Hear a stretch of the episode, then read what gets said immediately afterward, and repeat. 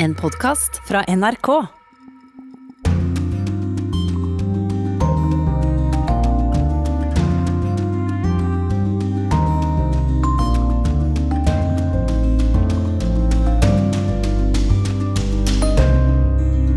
Parlamentsvalget i Russland i dag, med den mest markante opposisjonspolitikeren sittende i fengsel.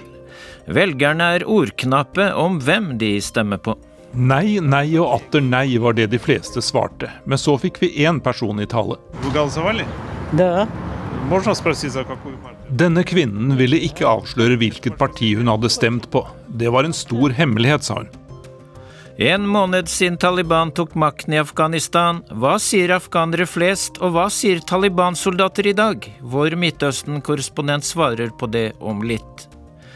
SPD-leder Olaf Scholz er favoritt til å bli ny forbundskansler etter Angela Merkel. Hvem er denne litt kjedelige politikeren? Jeg bewerbe meg som kansler, ikke som Zirkusdirektor. Jeg arbeider for å bli kansler, ikke sirkusdirektør, er et sitat som nå går verden rundt. I korrespondentbrevet skal vi høre om unge i Sør-Afrika sine liv og drømmer under pandemien. Og vi skal høre andre episode i serien om terrorangrepene 11.9.2001. You can see the firemen assembled here, the police officers, FBI agents, and you can see the two towers. A huge explosion now, raining debris on all of us. We better get out of the way. Tårnet som ble truffet sist, raser sammen. Reporteren løper for livet mens bygningsdeler og en voldsom støvsky kommer etter. Vel møtt til Urix på lørdag, mitt navn er Dag Bredvei. Vi starter hos vår store nabo i øst. I Russland pågår valget til landets nasjonalforsamling, Dumaen. Den mest profilerte opposisjonslederen og andre opposisjonelle sitter som kjent bak lås og slå. Fra fengselscellene forsøker de å dirigere sine støttespillere. Aleksej Navalnyj står bak en kampanje kalt Stem smart. Folk blir oppfordret til å stemme på ulike partier, etter hvor i landet de kan ramme regjeringspartiet mest mulig. Og korrespondent Jan Espen Kruse i Moskva, Aleksej Navalnyj og andre opposisjonsledere har vel nå en håpløs oppgave i å lede sine velgere fra fengsel? Ja, det er svært vanskelig.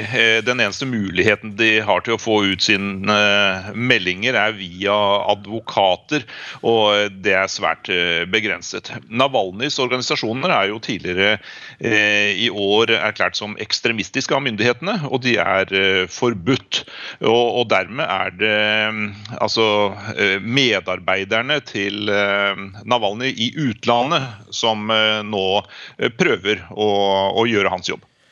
Navalny lanserte en kampanje før valget kalt Stem smart, og kan du forklare litt mer om den? Ja, Denne appen er vel det viktigste verktøyet i Navalnyjs kamp mot regjeringspartiet Forent Russland. Der eh, gis det råd om hvilke, hvilke, kandidater fra andre partier som har størst sjanse til å vinne over regjeringspartiet Forent Russland sine eh, kandidater. Og, sånn at det, Denne appen er nok hovedstrategien til Navalnyj i, i, kampen mot president Putin og, og russiske myndigheter muligheter. Så eh, han gjør alt han kan for å svekke regjeringspartiet. Det er målet med dette. Men det kommer meldinger om at Google og Apple har fjernet denne appen, og hvilke reaksjoner er kommet på det? Ja, Der eh, sier Navalnyjs støttespillere i utlandet at de er uhyre skuffet over det som har skjedd. Eh, de sier også at det er en skam, det som skjer. At Google og Apple har latt seg presse nærmest av russiske myndigheter. De kaller det politisk sensur. Så for dem er det et veldig hardt slag. Mens president Putins talsperson han er svært fornøyd. Han sier at denne appen jo er forbudt i Russland. Valglokalene skal holde åpent gjennom hele helgen, og du har oppsøkt et valglokale i Moskva, men vi skal høre at det ikke var lett å få russiske velgere i tale. Valglokale nummer 185 det er i et bibliotek her i sentrum av Moskva. Inngangen den er pyntet med hvite, blå og røde ballonger, altså fargene til det russiske flagget. Det kommer en jevn strøm av folk. Det er ikke veldig mange som kommer hit for å stemme, men noen er det. Det som er spesielt ved dette valget, er at veldig få vil eh, snakke med NRK. Nei, nei og atter nei var det de fleste svarte. Men så fikk vi én person i tale.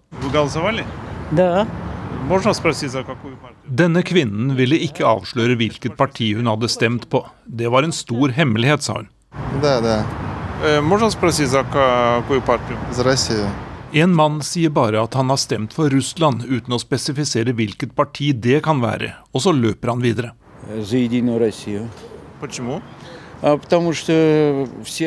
Jeg stemte for Forent Russland, sier denne mannen, som oppgir fornavnet sitt, Juri. Han mener at regjeringspartiet gjennomfører det som det lover, mens de andre partiene ofte kommer med tomme løfter.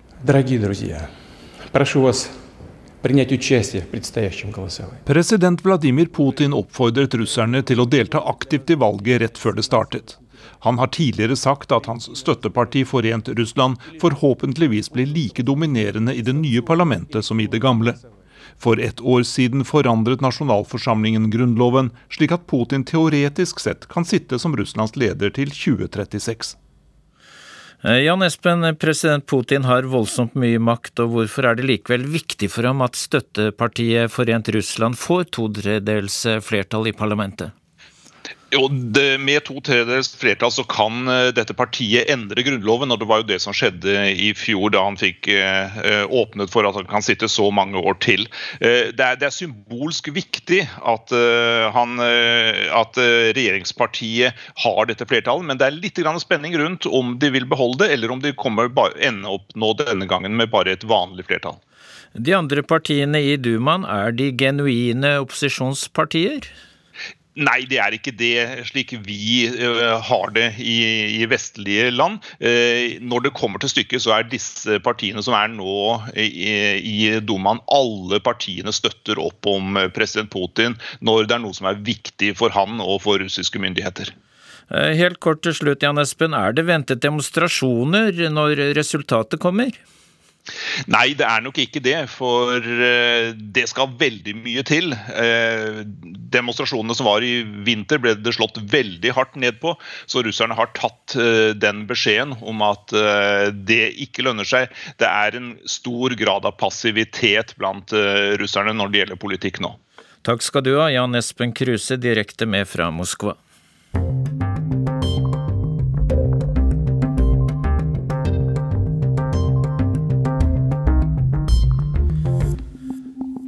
Hvem blir forbundskansler etter Angela Merkel? I Tyskland har sosialdemokratene tatt en uventet ledelse, som de fremdeles holder en uke før valget. Mannen bak denne snuoperasjonen er kanslerkandidat Olaf Schulz. Dafür bitte ich um Ihre Stimme. Eine Stimme für eine gute Zukunft. Und darum möchte ich unserem Land als Kanzler dienen. Da Olav Scholz lanserte sitt kandidatur som kansler, var det få som levna han en sjanse. Det skulle stå mellom De grønne sin kandidat Anna-Lena Baerbock og Kristendemokratenes Armin Laschet. Men i juli endra dette seg. En voldsom flaum vest i landet la mange landsbyer røde.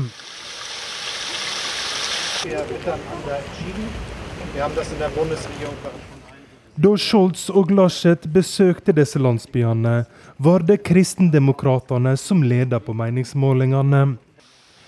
Noen uker senere var det hele snudd opp ned, pga. Laschets klønete håndtering. Men hvem er Olaf Scholz?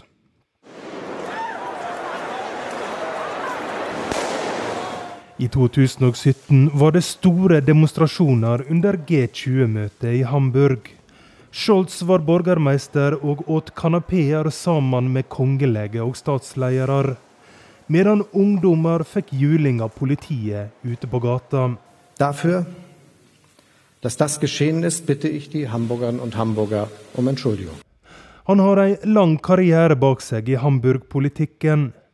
11.9 var han politisk ansvarlig for politiet, og han tok ledelsen i etterforskninga. Tre av fire selvmordspiloter 11.9 var studenter fra Hamburg. Min største politiske utfordring, har han i ettertid kalla det. Siden 2018 har han vært finansminister og visekansler, et steg bak Angela Merkel. Representant for et parti som bare har blitt mindre og mindre i en koalisjon dominert av landsmoderen. Han får ofte kritikk for å virke grå og følelsesløs. Og det er da den skarpe tunga dukker opp. Erstens habe ich Emotionen und die meisten Bürgerinnen und Bürger haben auch eine klare Vorstellung davon, welche das sind. Und äh, ich bewerbe mich als Kanzler, nicht als Zirkusdirektor. Jeg arbeider for å bli kansler, ikke sirkusdirektør, er et sitat som nå går verden rundt. Han blir ordknapp når et sladreblad spør om hva kvinne som har forma han mest. Hvilken Frau har Sie am stärksten geprägt? Meine Frau. Ah, die hat Sie am stärksten geprägt? Ja, eindeutig. Vi vil nok ikke få se amerikanske følelser i en tysk valgkamp. Søndag er det tredje debatt mellom de tre håpefulle kanslerkandidatene. Allerede har det kommet angrep på Scholz og hans virke i Finansdepartementet. Politiet har til og med gjort razzia der. Men Scholz lar seg ikke bringe ut av balanse. Politiet kunne nok ha fått utretta det samme ved å sende et brev, var replikken fra Scholz. Rivalen Laschet har den siste veka knappa inn på forspranget med noen prosentpoeng. Men det er ikke Scholz som taper oppslutning. Det er heller velgere fra småparti som flokker seg rundt kristendemokratene. Men truleg er det for seint. Ei veke før valget er det bare Olaf Scholz som kan ødelegge for Olaf Scholz, skrev en kommentator i ei tysk avis.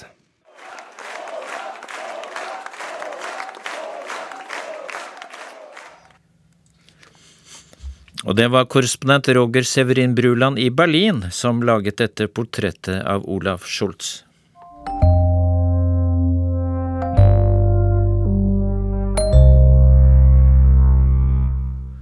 Det er en måned siden Taliban tok makten i Afghanistan, økonomien er nær ved å kollapse, og utenfor minibanker er det lange køer av folk som vil ta ut penger i hovedstaden Kabul. Prisen på mat og drivstoff har skutt i været. FN frykter at 97% av innbyggerne faller under fattigdomsgrensen før årets slutt, og Midtøsten-korrespondent Yama Wolasmal, du er i Kabul og med oss på en litt ustabil linje derfra. Ser du mange som har fått det verre den siste tiden? Situasjonen i Afghanistan har gått fra vondt til veldig, veldig veldig mye verre. Dette var et land som i utgangspunktet slet med matmangel. Eh, folk eh, var fattige.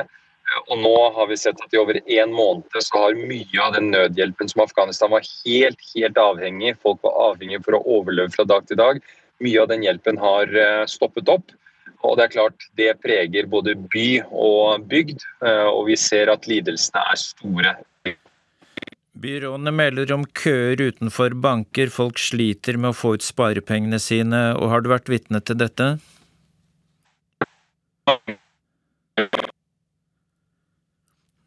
Ja, der uh, har vi eh, problemer med forbindelsen til Kabul i Afghanistan. Uh, vi forsøker å, ringe opp igjen til vår korrespondent Yama Wolasmal det er altså FN som sier at 97% av innbyggerne faller under fattigdomsgrensen innen nyttår hvis ikke noe blir gjort. Eh, Yama, du er med oss igjen, og hva sier afghanere du møter? De aller fleste ser veldig dystert på fremtiden. Det er, dette landet overlever ikke uten hjelp fra utlandet. Og nå har det blitt blåst opp i all den bistanden. Eh,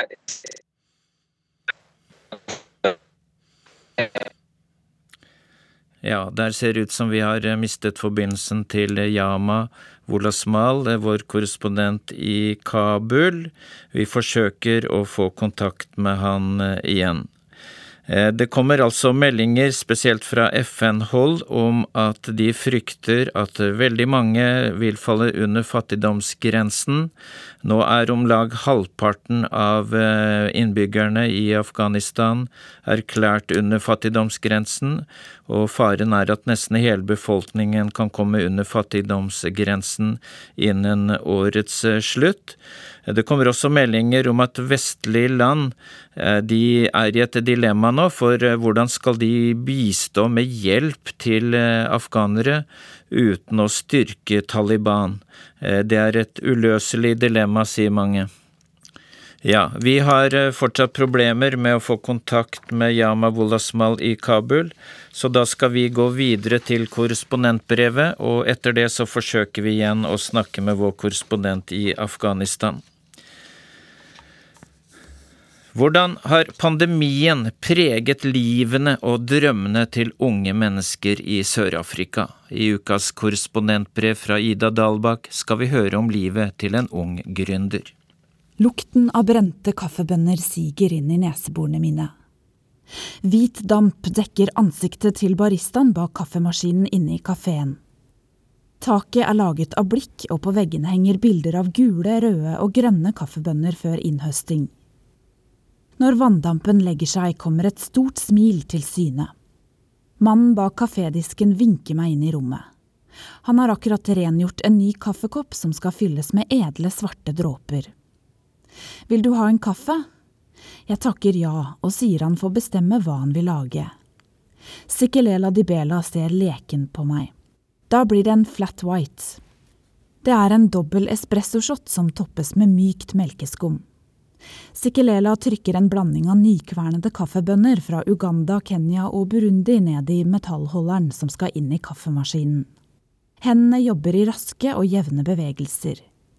Han ble tidlig oppdaget for sine baristakunster. Sikkelela begynte med å vaske opp for den sørafrikanske kaffekjeden Vida e Café. Han steg raskt i gradene og ble sendt til London for å utvikle konseptet i Storbritannia. Da oppholdet i London var over, bestemte den unge baristaen seg for å starte kaffebar der han vokste opp. Den 32 år gamle entreprenøren startet kaffebaren Sikis Coffee Café i 2016. Drømmen var å løfte lokalsamfunnet og bringe unge mennesker sammen. Så ble Sør-Afrika rammet av covid-19-pandemien. Tonene fra låten Stimela kommer fra en høyttaler i hjørnet av kafeen. Stimela betyr kulltog, og sangen handler om migrantarbeiderne i gruven under apartheid.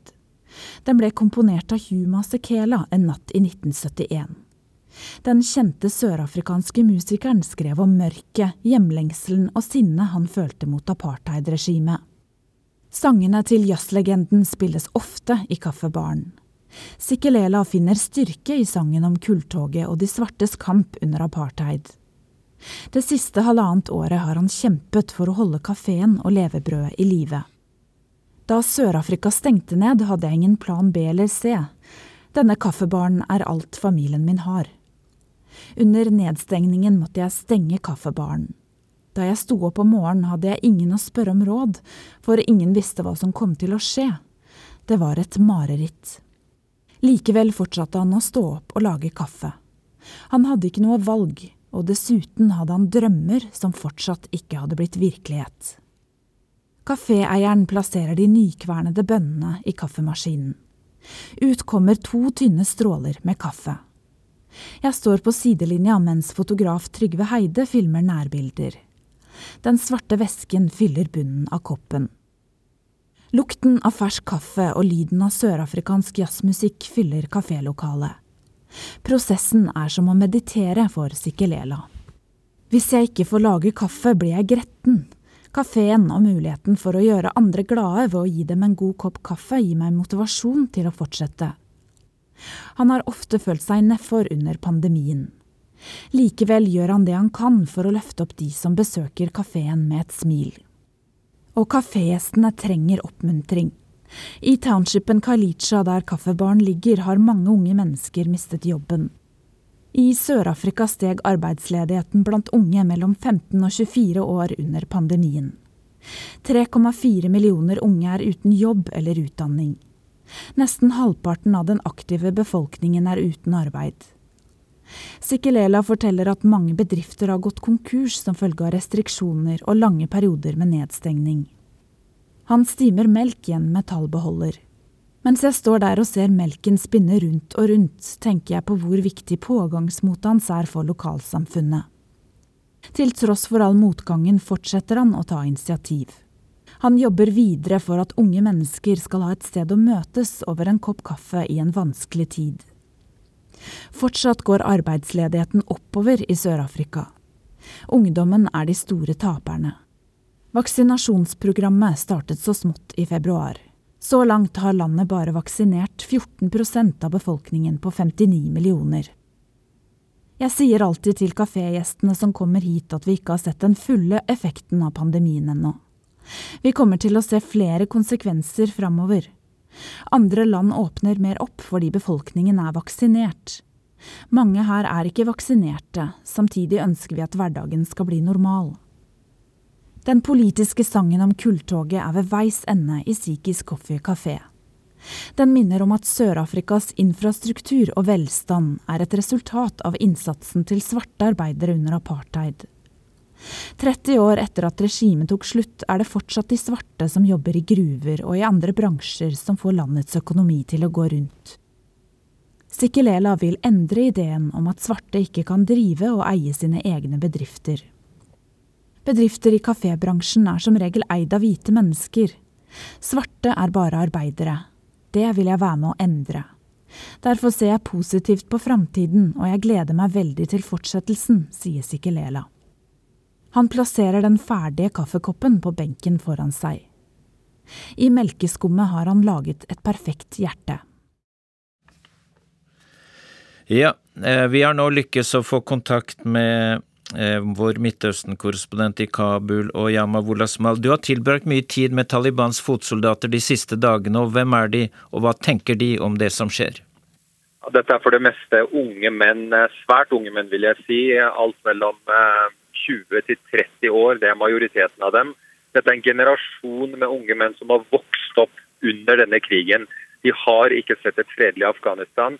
Eh, når jeg snakker med dem, så sier de at dette våpenet som jeg holder, det er det jeg ble født med. Jeg vet ikke om noe annet enn å krige. Og De er ganske åpne, åpne om at de ikke har noe erfaring med å styre et land. og Det er derfor de også sa til meg at jeg håper at eh, det internasjonale samfunnet hjelper afghanere, slik at vi kan hjelpe folket vårt. Eh, men de er veldig klare på at de ikke ønsker hjelp med betingelser fra Vesten. Altså Hvis Vesten stiller krav til dem, den type hjelp er de ikke interessert i, sier fotsoldatene til meg. Takk. Det var spesielt å sitte med én gjeng som fortalte at hver og en av de som satt der, hadde skader, krigsskader, skuddskader, splintskader. Og de sa at vi har brukt 20 år av livene våre på, på, på å gjøre Afghanistan til et fritt land og vi akter ikke å gi, gi dette landet fra oss uten videre. Eh, takk skal du ha, Yama Wolasmal, og vi hører mer fra deg i senere sendinger. Vi skal høre mer om dramatikken 11.9.2001. I denne andre episoden av podkastserien 11.9 forteller noen av dem som overlevde terrorangrepet, hvordan de opplevde denne grufulle dagen for 20 år siden.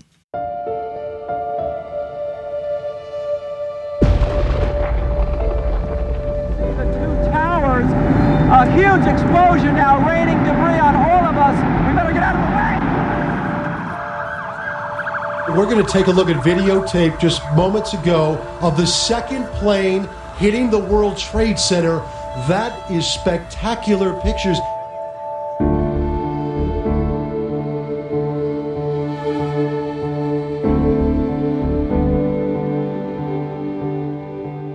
York har det andre av to kaprede fly akkurat styrtet inn i tvillingtårnene.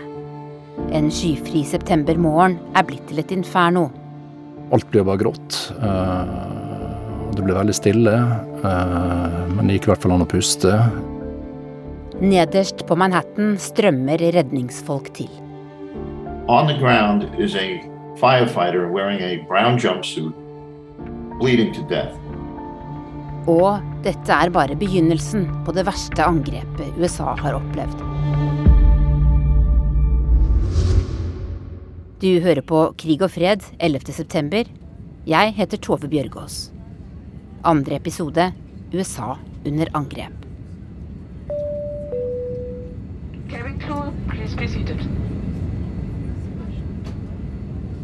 Om morgenen 11.9.2001 sitter Leif Karlsson på et fly. Den svenske TV-fotografen er på vei hjem til Washington DC etter en reportasjereise i Sør-Amerika. Vårt eh, flygplan opp til Washington og det gikk noe etter klokka sju på morgenen. Så vi gikk på det her planet, og uh, det tok jeg av som, som vanlig. Den lokale flyplassen i Washington ligger bare et par kilometer fra Det hvite hus. Leif liker å lande her. En flyr rett forbi de mest kjente byggverkene i USAs hovedstad. Kongressbygningen, Det hvite hus og Lincoln-monumentet som ser ut som et tempel der det står like ved Potomac-elva. På den andre siden av elva, like ved flyplassen, ligger det enorme kontorkomplekset til Pentagon, som er USAs forsvarsdepartement. Men denne morgenen er det noe som er annerledes, merker Leif. Så øh, har de begynt innflygningen. De har felt ut landingsställen og vi er nesten nede på landingsbanen. Plutselig så avbryter de, bare drar på motorene.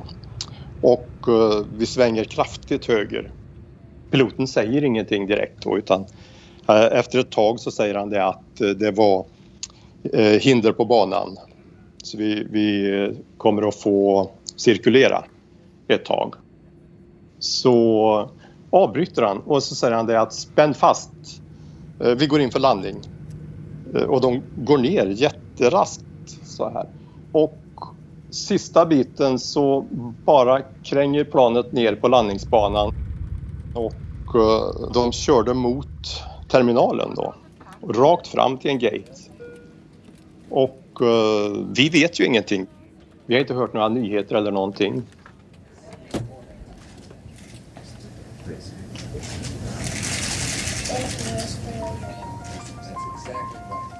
Mens Leifs fly lander på flyplassen nær Det hvite hus, er han som bor der, på besøk i Florida.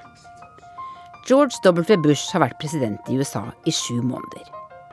Stabssjefen hans heter Andy Card. Andy er med på turen, og både han og Bush ser fram til denne dagen. Literally, there was not a cloud in the sky. It was a perfect day. And the president was getting up to go for a run on a golf course. And I remember saying that he'd have a good run and that it was going to be an easy day.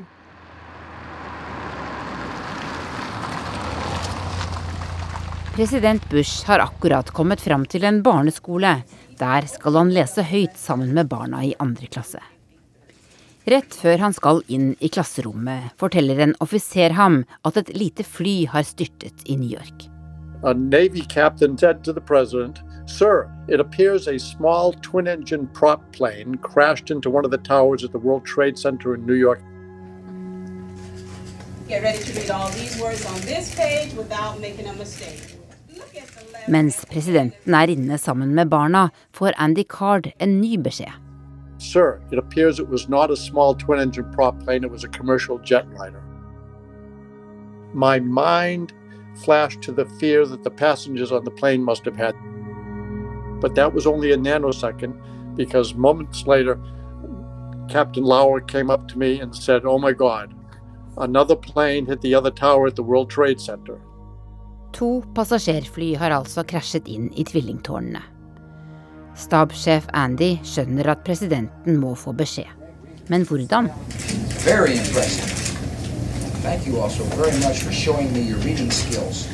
The teacher of the students was conducting a dialogue with the president. I didn't want to interrupt it. And then the teacher told the students to take out their book. I then walked up behind the president. He did not see me coming.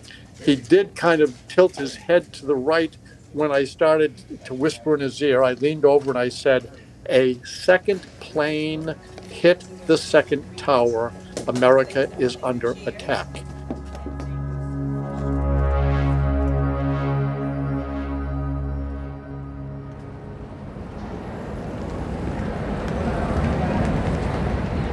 På flyplassen i Washington har Leif kommet seg ut av flyet.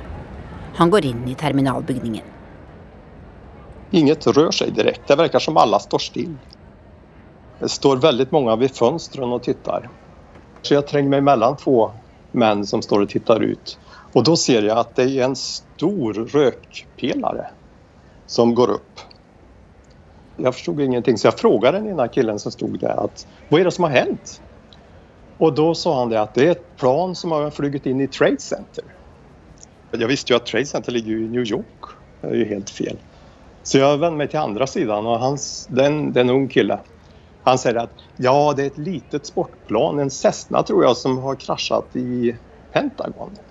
Jaha, det, det kunde ju vara så då att det hade kraschat ett litet plan. Men det var ju så otroligt stor rökpelare och den här växte ju, den skruvade sig upp. Det var som man hade släppt en bomb nästan. Men det er et passasjerfly som har truffet Forsvarsdepartementet også. Det skjedde bare noen minutter etter at Leif landet på flyplassen like ved. Tre kaprede fly har nå styrtet i USA på under én time. To i tvillingtårnene og et tredje i Pentagon, bare et par kilometer fra presidentboligen. Det er ingen som vet nøyaktig hva som har foregått inne i flyene. Men på et av American Airlines sine kontorer har en ansatt fått en telefon fra flyvertinne Betty Ong. American 11, are you trying to call? The cockpit's not answering. Somebody's stabbed in business class. And um, I think there's mace that we can't breathe. Cockpiten svarer ikke. Noen er blitt knivstukket på første klasse.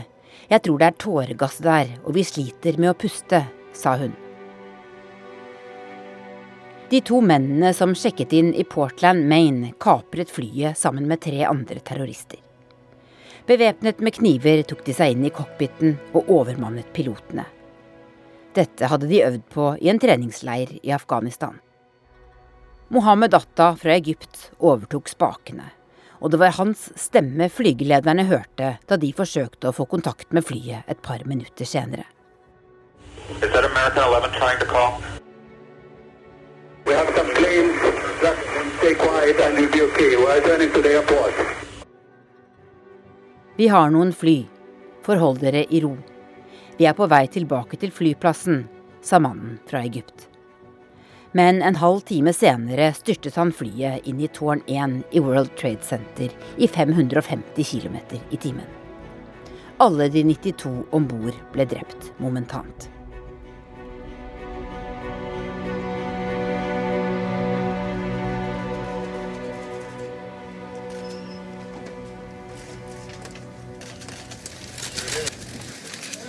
Ladies and gentlemen, this is a difficult moment for America. Uh, today we've had a national tragedy. Two airplanes have crashed into the World Trade Center in an apparent terrorist attack on our country.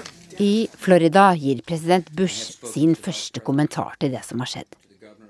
I dag er vi rammet av en nasjonal tragedie, sier han. Greg Freed hører ikke på talen, for han står rett ved de brennende tvillingtårnene.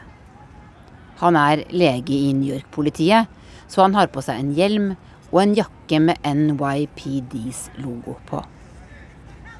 Greg er vant til å håndtere ulykker og katastrofer. Nå ser han en som trenger hjelp med en gang. On the ground is a firefighter wearing a brown jumpsuit. He's not in fire garb, bleeding to death. And either he had been hit by glass or some sort of debris that had come down. Greg har ingenting han kan bruke til å stoppe blødningen til brannmannen med. Han bøyer seg ned og presser hånda mot det blødende såret. My thought was I would stop the bleeding with my hand, literally, if I could, and I would throw him in the van and get him up to St. Vincent's Hospital.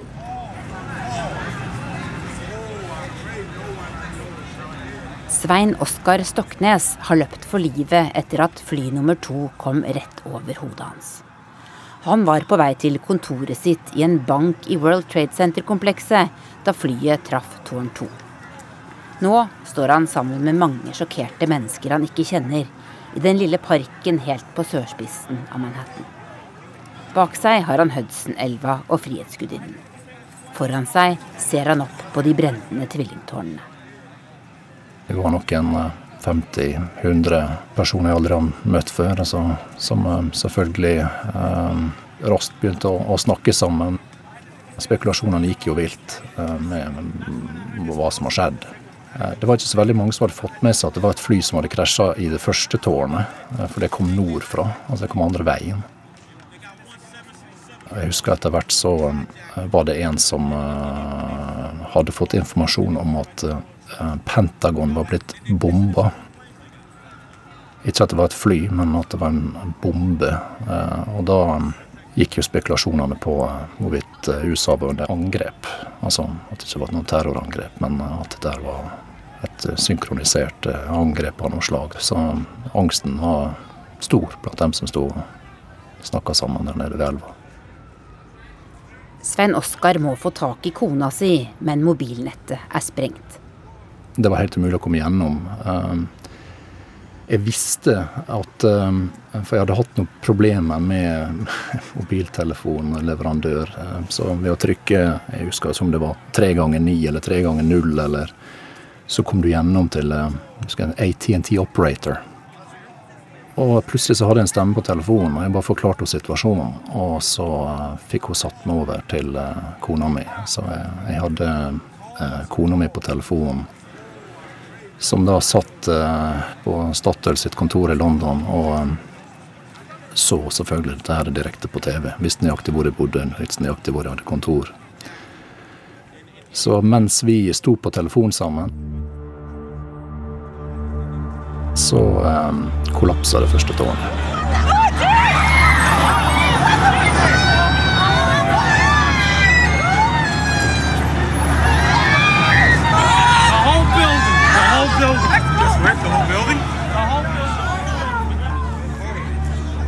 Rett utenfor tvillingtårnene er en TV-reporter inne direkte da det skjer.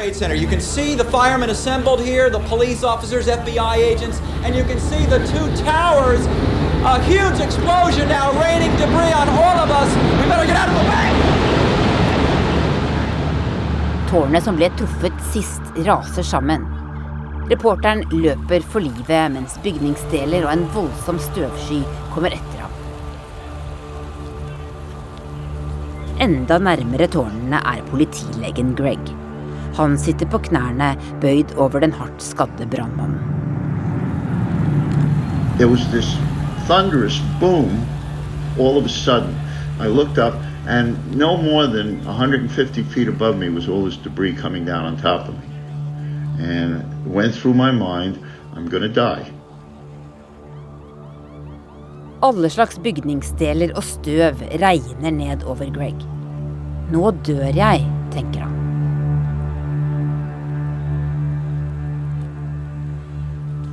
Den enorme skya raser videre nedover mot Battery Park.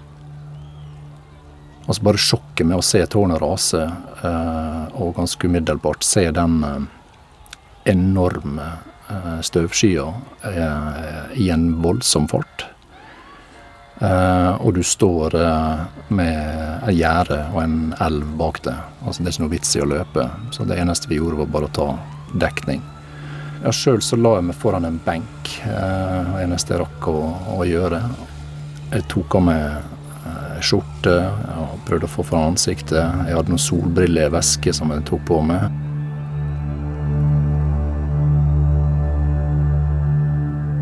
First, it got very hot. and I felt a burning in my nose and mouth, and then it got very cold. And this is before I got hit. Then I got covered. I, I got hit in the back, I got hit in the butt, and it got very silent. And I wasn't dead. And I thought of the firefighter, and he was gone. And from a very long distance, I heard just a voice going, "Help me!" And I'm saying, I, I didn't respond, but I knew I couldn't help anybody because I was blind. I flere minutter tror Greg han har mistet synet. Han ser ingenting der han ligger sammenkrøket inne i støvskya fra det enorme tårnet som har rast sammen. uh, you couldn't see a hand in front of your eyes. So I feel for the helmet, and the helmet's gone. It had been either hit by something or demolished, and I could feel liquid coming down in the front, so I knew I was bleeding a little bit, but not terrible. But I, then I started staring up in the air, figuring out what I'm going to do next, because I knew if this tower just went down, the next one's on its way. Way up in the sky, I saw a ray of light coming off the Hudson River, and I knew that I wasn't blind, and then in some reason, this was debris. Heldigvis hadde Greg en vannflaske i hånda da han kom til tårnene for noen minutter siden. So I soaked a handkerchief because you couldn't breathe. It was like, holy mackerel, you know, it just, what is this? And I put my handkerchief over my nose and mouth. I wet it. And as the light came back, I, I, was, I realized I was buried only up to my shoulders. And I was able to sit up. And then I stood up. And when I stood up, I could feel that my leg was bad. But I also could feel that my back and my backside started to swell. Han klarer å reise seg, men merker at ryggen har hovnet opp. Legen Greg tenker at han sannsynligvis har fått indre blødninger.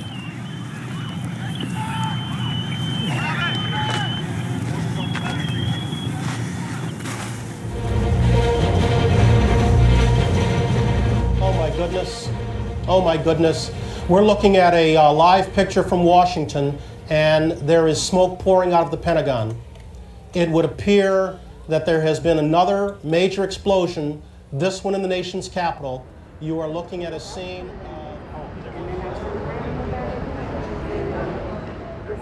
I Washington er fotograf Leif Carlsson på vei ut av flyplassen, der han landet like før det tredje flyet traff Pentagon.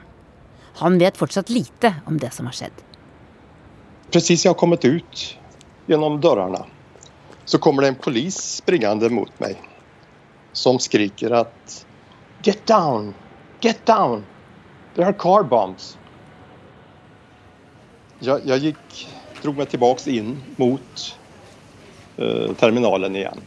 Och då kom de och jagade ut folk och sa att ni måste lämna terminalen. Ingen får vara kvar här. Och det var ju ingen som svarade på direkt varför. Men det var någon då som, som sa att eh, det är tydligen ett plan som de tror skal krasje i byggnaden. Leif og kollegaen hans prøver å finne en taxi, men det er umulig i kaoset. Så vi begynte på å bære utrustning og, og vesker og sånt. Det går en, en liten motorvei presis bredvid flygplatsen. Och eh, vi kommer ut dit och det kommer inte så många bilar längre. Det, det blir färre och färre och det är ju mängder av folk som försöker att stå og lifta det. Vi försökte lifta till att börja med men det gick inte så bra, ingen stannade. Så till slut gick Lars eh, ut i vägen och bara eh, gjorde polismanstecken og och, stoppade en bil.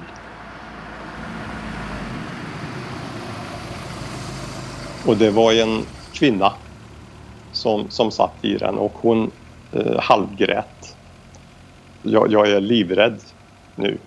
Det är så mycket som händer. Jag förstår ingenting. Och vi sa att ja, vi, vi vill bara komma in till Washington då. Vi kom med ett flygplan men de har stängt. Det finns inga taxibilar, ingenting. Ja. Okay. Åk med då, säger hon. Så vi sätter oss i bilen där och då tittar jag på den här, jag ser genom bakrutan, den här rökpelaren. Och den har ju växt och blivit ändå större.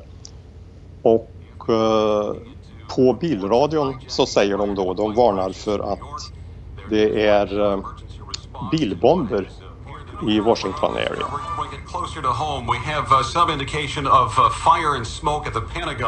uh. Och hon vet inte heller. Vi frågar henne vad är det som har hänt? Och hon är inte riktigt informerad heller. Och man förstår ju att det, det är någonting som har hänt. Men vad? Är det, är det revolution eller vad, vad är på gång?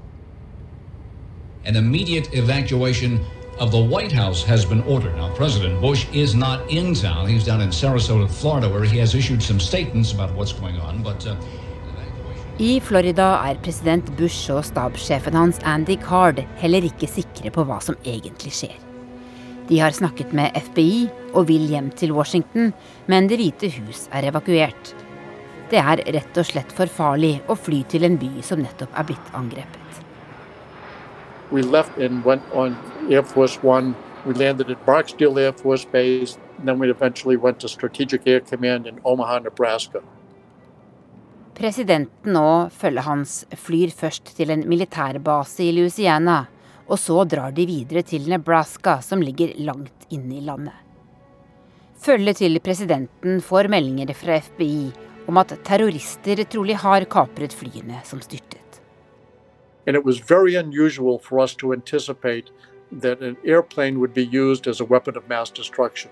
Prior to that time, if anyone said that the, a plane was going to be hijacked, they thought that it was going to be hijacked looking for ransom money or someone to be released from prison. But that day, we found terrorists that were willing to be uh, bombers. They were willing to fly their bombs, commercial jetliners, into buildings and cause unbelievable pain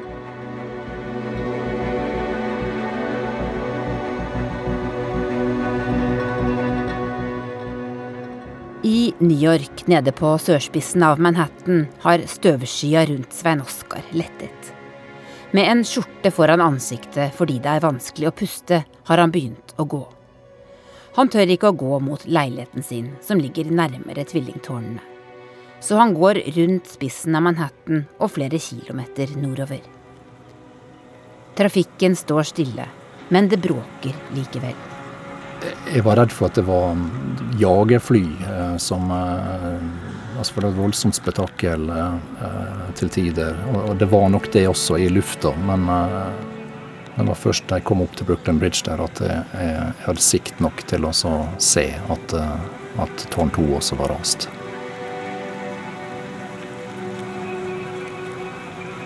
En halv time etter at det første tvillingtårnet kollapser, raser også det andre sammen.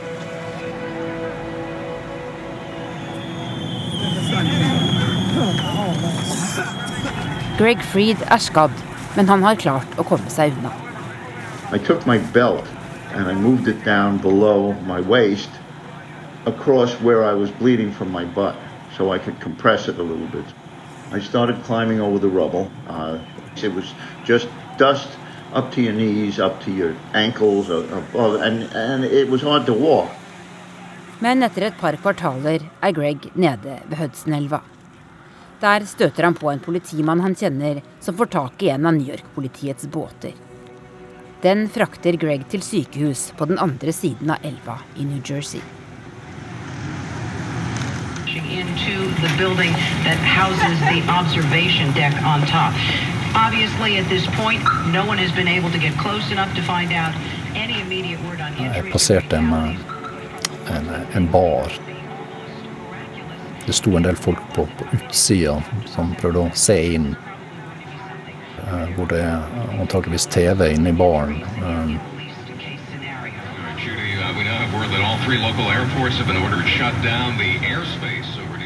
Og eh, jeg husker når jeg kom opp til vinduet og prøvde å se på TV sjøl, så var det noen som guida meg inn i, baren. Og så kom bartenderen ut og så viste meg veien til badet.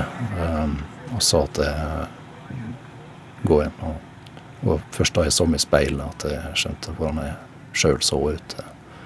Så jeg var helt uh, dekt i grå aske. og Håret var helt sånn uh, klissete av uh, grått, tjukt støv. Altså. Så jeg bare, måtte bare vaske av meg.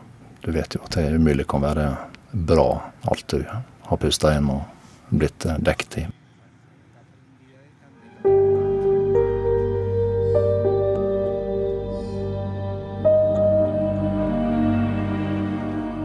Når det er blitt ettermiddag i USA denne tirsdagen i september, har fire fly blitt kapret. To styrtet i New York, ett i Washington Og et fjerde styrtet på et jorde i Pennsylvania etter at passasjerene om bord forsøkte å overmanne terroristene. 2977 mennesker mistet livet. 265 av dem om bord i de fire flyene. 125 i angrepet mot Pentagon i Washington. Og resten i New York. Tusener av redningsfolk forsøkte å hjelpe. Mange av dem med livet som innsats. Til sammen døde 344 brannfolk og 71 politifolk.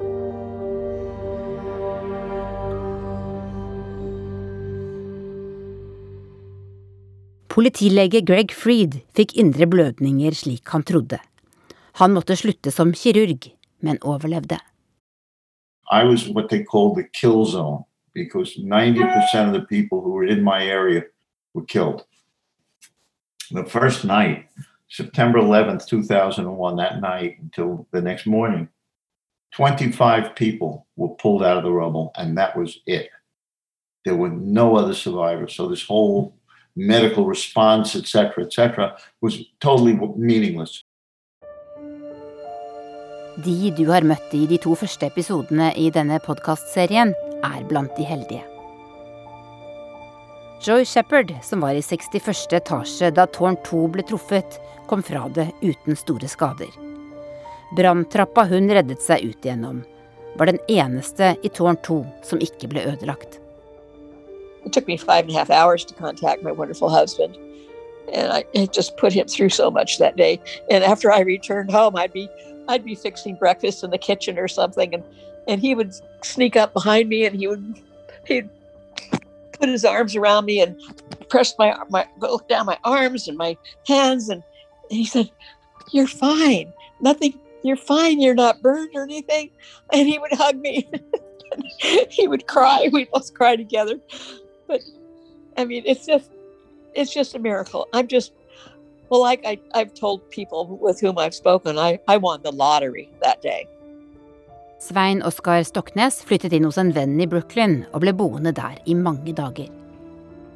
Jeg hadde jo et problem med, med at alle eiendelene mine var i, i, i, leiligheten min der, så et eller annet sted mellom sju og, og, og ti dager senere så fikk jeg altså tilbud om um, å komme inn.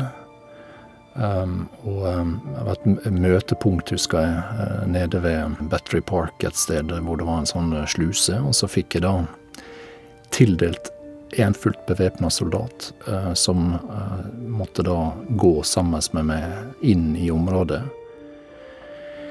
Jeg bodde i noe sånt som 26. etasje, eller noe sånt, så vi måtte gå trappene opp. Uh, han hadde en sånn hodelykt på hjelmen. Så idet han får uh, låst opp døra mi, så uh, uh, sier han You have five minutes and I prefer you only pick up your passport. Og så fikk jeg kommet inn i leiligheten, og den var bare dekt med Det var fem centimeter med støv over hele leiligheten. Så det så ikke ut. Det var bare støv. Så jeg fikk plukka med meg passet og noe helt nødvendig, og så måtte vi ut igjen. Alt ble bare liggende. Det har gått 20 år siden de vi har snakket med havnet midt i historien. De lever fortsatt med tankene om det som skjedde den dagen. What I'm thinking is, I think there are a lot of really angry people in the world who will do anything to to not only to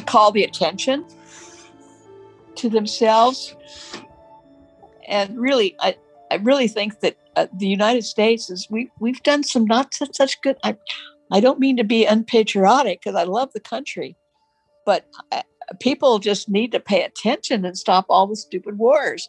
We we've had we've I, we've been all over the world, regime changing. So you know we we just got to mind our own business. I really that's what I think. Michael Tui jobbet på flyplassen der han slapp to av terroristene gjennom innsjekkingen. Det har plaget ham i alle år etterpå. I had to go to psychological counseling for a number of years because my mind uh, couldn't get around my, er, you know, the fact that I said, oh, these guys look like Arab terrorists and then I didn't do anything. I mean, that was a gut feeling. But you can't always act on your gut feeling. They knew how to play the game. They had rehearsed what they were doing, and they probably knew more better than I do what to expect. Februar 2002 um, så um, fikk jeg da tilsendt uh, eiendelene mine uh, til, til, London. Um, de kom i noen pappesker. Og uh, vi um, hadde en liten hageflekk utenfor leiligheta i, i, London, og jeg husker jeg valgte å åpne dem i, i, hagen. Um, det var gått en seks måneders tid, og um, den følelsen når jeg åpna disse pappeskene, og den uh, veldig karakteristiske lukta som lå over hele New York den gangen, den slo mot meg.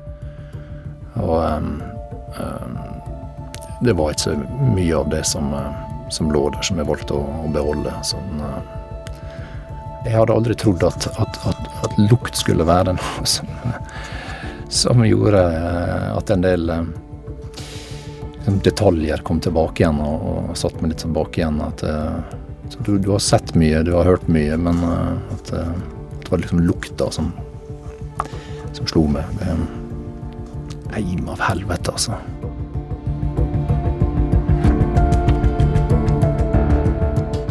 Du har hørt andre episode av Krig og fred 11.9., en podkastserie fra NRK Urix denne serien lages av meg, Tove Bjørgaas, og lyddesigner Lisbeth Sellreite. Anders Tvegård og Tore Moland har også bidratt til denne episoden om terrorangrepene. Første episode ble sendt her i Urix på lørdag forrige uke, og du finner den også i appen NRK Radio. Teknisk ansvarlig Marianne Myrhol, produsent Anne Skårseth og jeg, Dag Bredvei, takker for følget og ønsker dere en fortsatt god helg.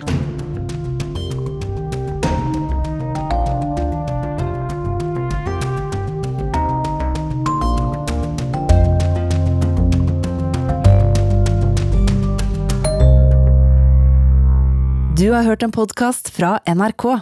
Hør flere podkaster og din NRK-kanal i appen NRK Radio.